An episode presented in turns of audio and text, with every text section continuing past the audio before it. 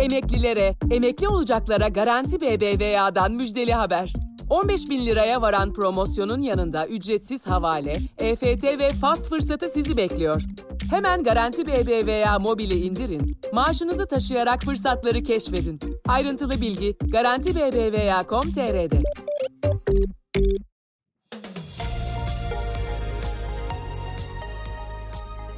Kısa Dalga'dan herkese merhaba. Bugün 1 Ağustos Pazartesi. Ben Demet Bilge Erkasap. Gündemin öne çıkan gelişmelerinden derleyerek hazırladığımız Kısa Dalga Bülten başlıyor. Muharrem ayının ilk günü olan Cumartesi günü Ankara'da Alevi kurumlarına saldırı düzenlendi. Türkmen Alevi Bektaş Vakfı Genel Merkezi Şah Merdan Kültür Evleri Yaptırma ve Yaşatma Derneği ile Ana Fatma Cemevi'ne yönelik saldırılarla ilgili bir kişinin gözaltına alındığı açıklandı. Saldırılara siyaset dünyasından da tepki yağdı. CHP'li vekillerin tepkilerinde bilindik ve kirli bir oyun sahneye konuluyor denilirken İyi Parti Genel Başkanı Meral Akşener, Muharrem ayına girdiğimiz bu mübarek günde saldırıyı şiddetle kınıyor, Alevi kardeşlerime geçmiş olsun dileklerimi iletiyorum. Hiçbir güç birliğimizi ve beraberliğimizi bozamayacak dedi.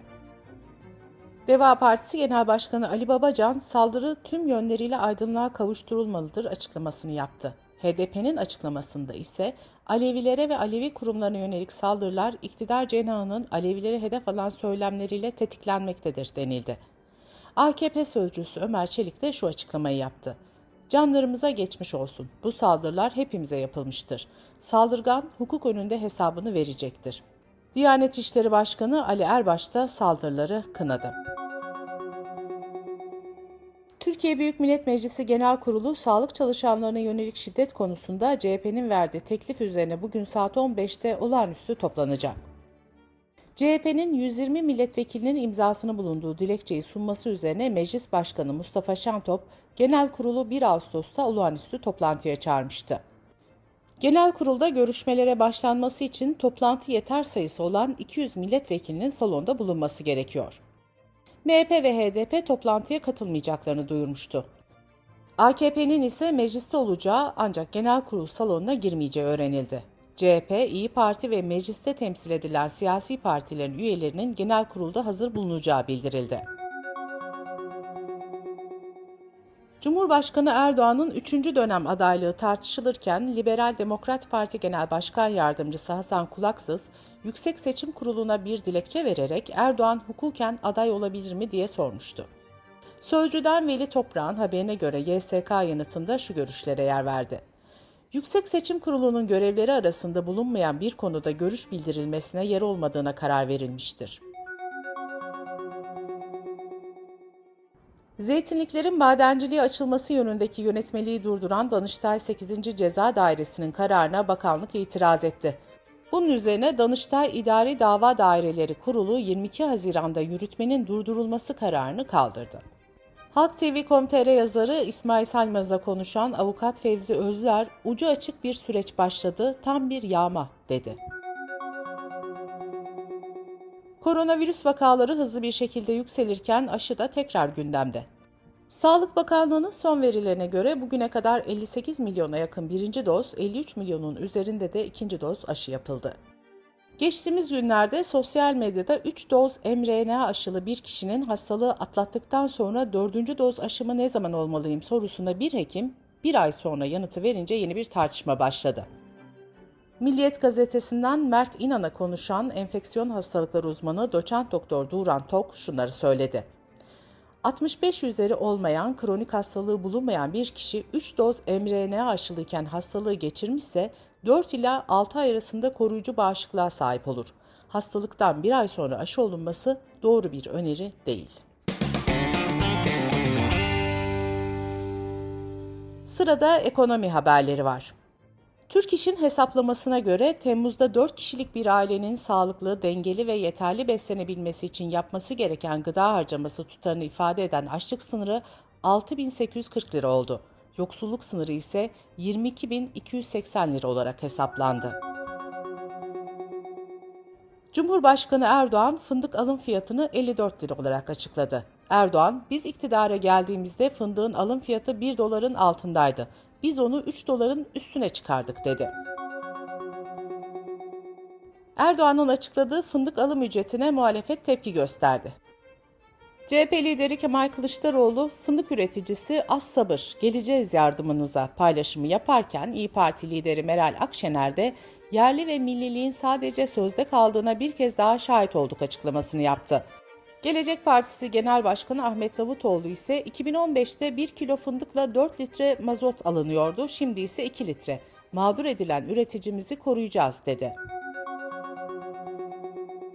Ipsos tarafından yapılan araştırmaya göre son bir yıl içinde toplumun %46'sı dayanıklı tüketim ürünlerini almadı. Son bir ayda ise her 10 kişiden 6'sının herhangi bir dayanıklı tüketim ürünü satın almadığı belirlendi. Tüketicilerin büyük bir bölümü ikinci el piyasasından alışveriş yaptıklarını söyledi.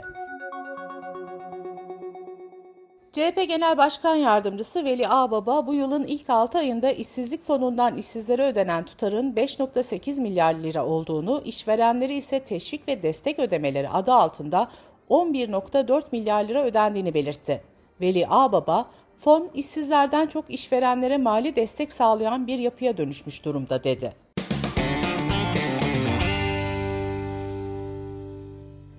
Dış politika ve dünyadan gelişmelerle kısa dalga bültene devam ediyoruz.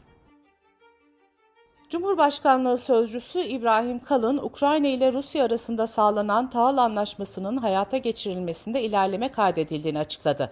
Kalın, ilk geminin bu sabah yola çıkma ihtimali olduğunu söyledi. Dünyanın en önemli tahıl ihracatçıları arasında yer alan Rusya ile Ukrayna arasındaki savaş, pandemi sonrası ortaya çıkan küresel gıda krizini derinleştirmiş ve fiyatları arttırmış durumda. İstanbul'da geçen hafta Birleşmiş Milletler ve Türkiye'nin arabuluculuğunda varılan anlaşma ile Ukrayna'da bekletilen tonlarca tahılın Karadeniz üzerinden ihracatının başlaması planlanıyor. Genel seçim öncesi yabancı karşıtlığının tırmanışa geçtiği İtalya'da Nijeryalı bir göçmen bir İtalyan tarafından sokak ortasında dövülerek öldürüldü. Olay sırasında etrafta toplananların müdahale etmek yerine cep telefonlarıyla görüntü çekmesi tartışma yarattı. İtalyan siyasetinin her kesiminden tepki yağdı. Olayın yaşandığı bölge daha önce de göçmenlere yönelik saldırılarla anılmıştı. 2018'de Afrikalı göçmenlere ateş açılmış, 8 kişi yaralanmıştı.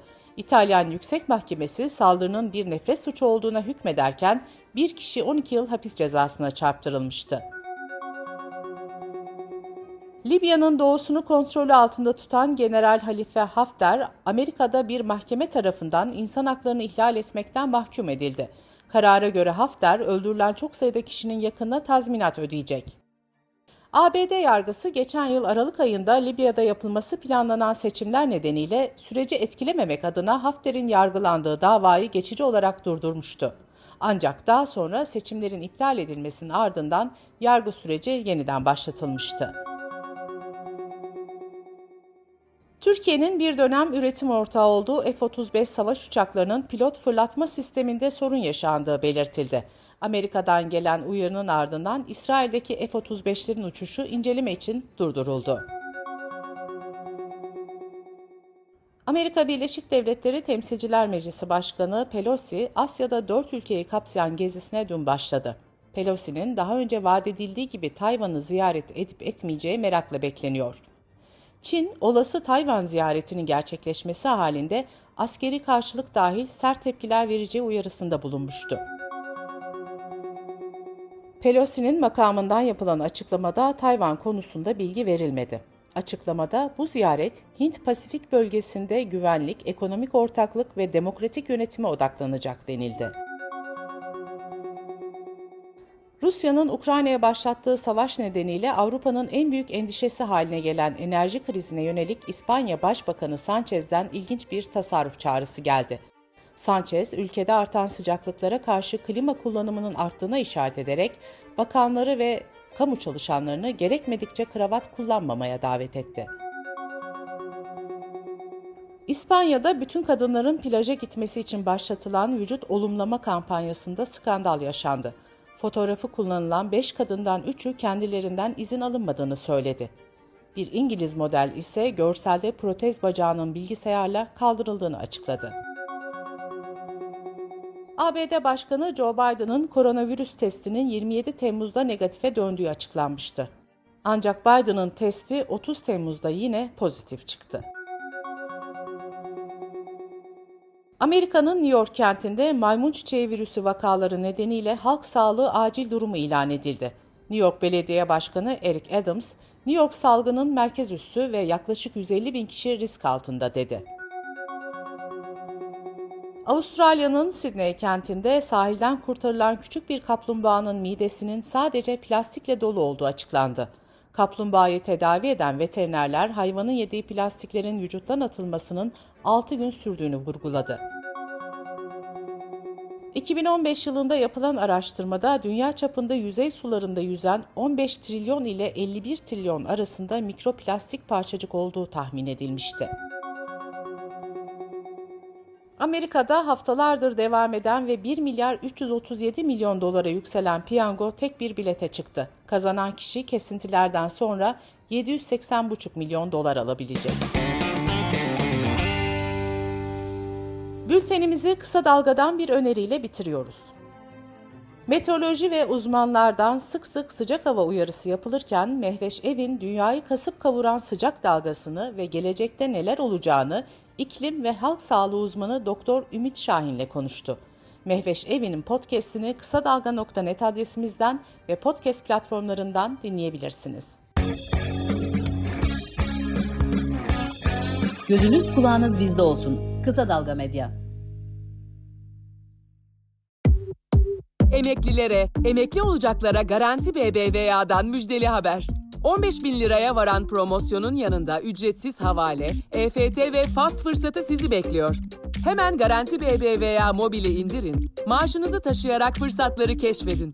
Ayrıntılı bilgi Garanti BBVA.com.tr'de.